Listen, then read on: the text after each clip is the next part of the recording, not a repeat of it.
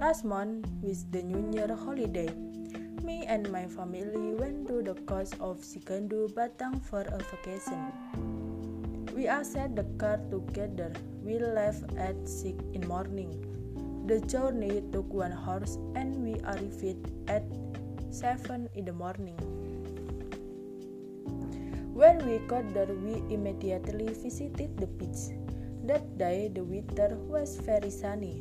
One of the attractions of this beach is the view of fishing boats leaning off the pier. The majority of local residents around the coast are fishermen.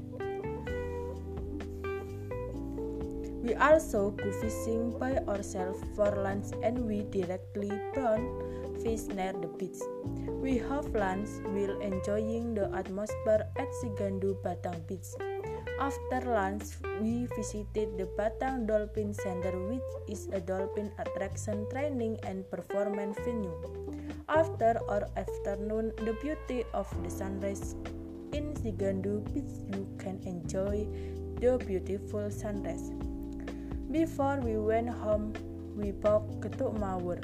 Finally, we returned home at 7 post meridian.